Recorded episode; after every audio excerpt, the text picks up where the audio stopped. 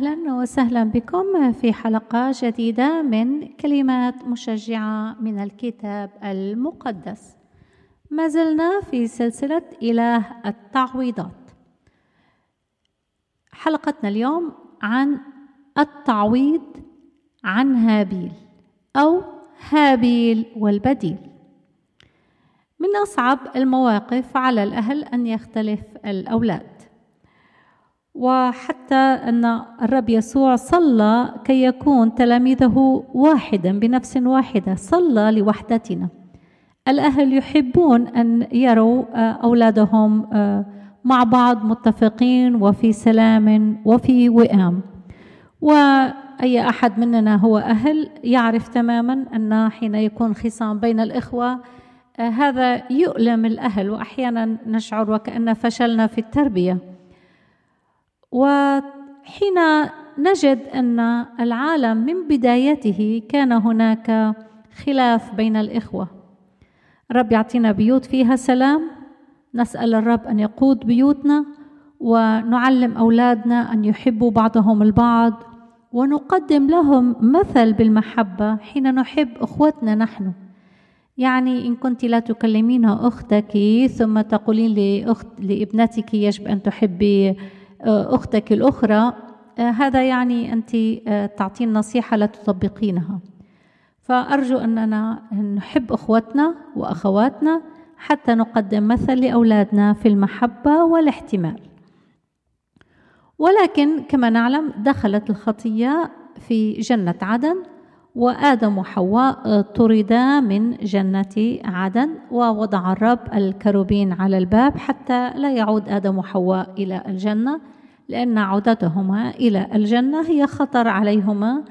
آه، كما قلت في الحلقة الماضية كي لا يأكلا من شجرة الحياة ويعيشا إلى الأبد في جسد الخطية. آدم وحواء أنجبا أولادا أنجبت آه، حواء ابنا آه، أسمته قايين اقتنيت رجلا من عند الرب. وربما حين كانت اقتنيت رجلا من عند الرب ربما كانت حواء تظن أن الرجل الذي الرب أعطاها إياه هو النسل الذي سيخلص البشرية. ربما. وأسمت الابن الآخر هابيل. هابيل أي البخار. ونعلم أن في التكوين يخبرنا عن أن هابيل وقايين قدما للرب تقدمة. هابيل قدم تقدمة من أبكار غنمه قدم من كل قلبه. الرب قبل تقدمة هابيل ولكن قايين لم تكن تقدمته آه، من أفضل ما عنده. لم تكن تقدمته آه، هي آه، بدون سفك دم لا تحصل مغفرة. كان يجب أن تكون. التقدمة هي ذبيحة. كما تعلم آدم وحواء أن هناك سفك دم لكي يحل مكان الإنسان ليفدي الإنسان. آه، قايين قدم من الثمار بينما هابيل قدم من الأغنام التي عنده. فالرب قبل ذبيحة هابيل لأن هابيل فهم معنى الفداء. فقايين آه، غار من أخيه هابيل وقتله. والآن هذه الأم حواء. تنظر ولدين. واحد قد مات وقتل على يد أخيه والثاني تائه لأن قايين هرب إلى أرض نود وأرض نود أي أرض التيهان. فهنا حواء تعيش في وضع مؤلم جدا.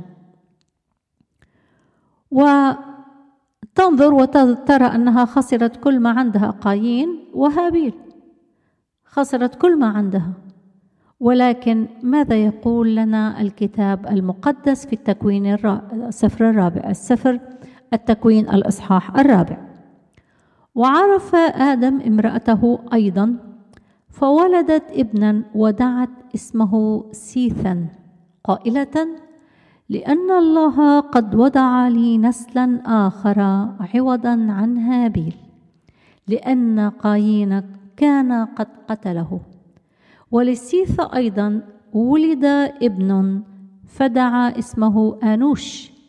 حينئذ ابتدأ أن يدعى باسم الرب.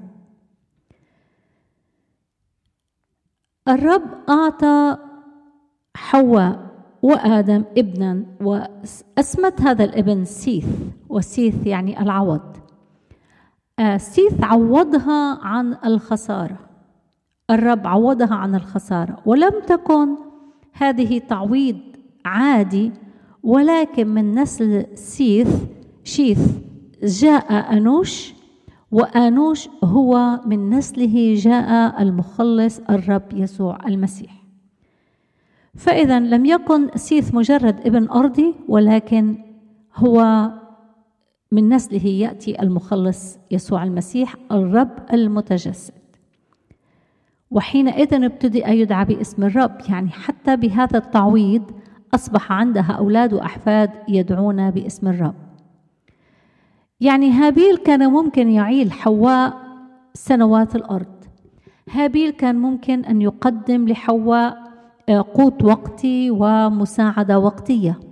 أما شيث الذي الرب أعطاه جاء منه المسيح الذي يقدم لكل البشرية معونة دائمة على مدى العصور ألا وهي أن يأخذ عقاب خطية البشرية ويعيلنا إلى الأبدية أليست هذه التعويضات أكثر مما افتكرت أو طلبت حواء؟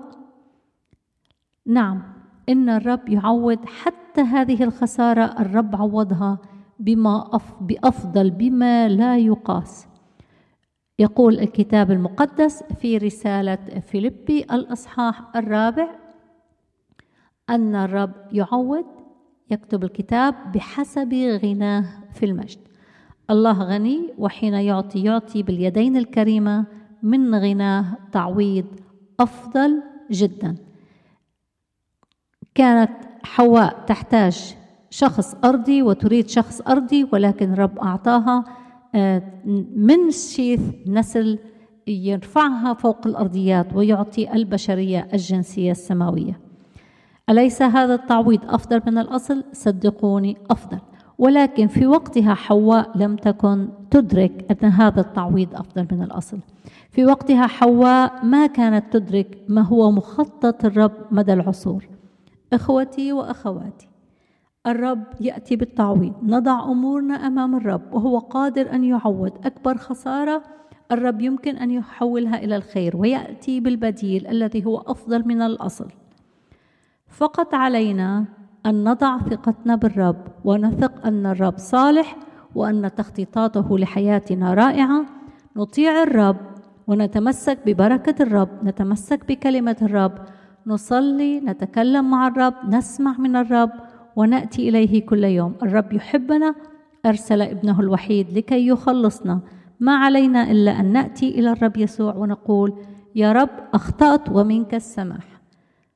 ارحمني يا الله أنا الخاطي والرب هنا يعطينا القلب الجديد لحتى نفهم ما هو قصد الرب حتى نفهم خطط الرب لحياتنا أنها لخيرنا وليس لشرنا وأن وصاياه لحفظنا وليس لكي يمنعنا. نشكر الرب حين يمنع وحين يمنح لأنه حين يمنع هو يمنع لخيرنا. شكرا لكم لأجل إصغائكم وأراكم في الحلقة القادمة من سلسلتنا إله التعويضات. الرب يبارككم وسلام المسيح معكم.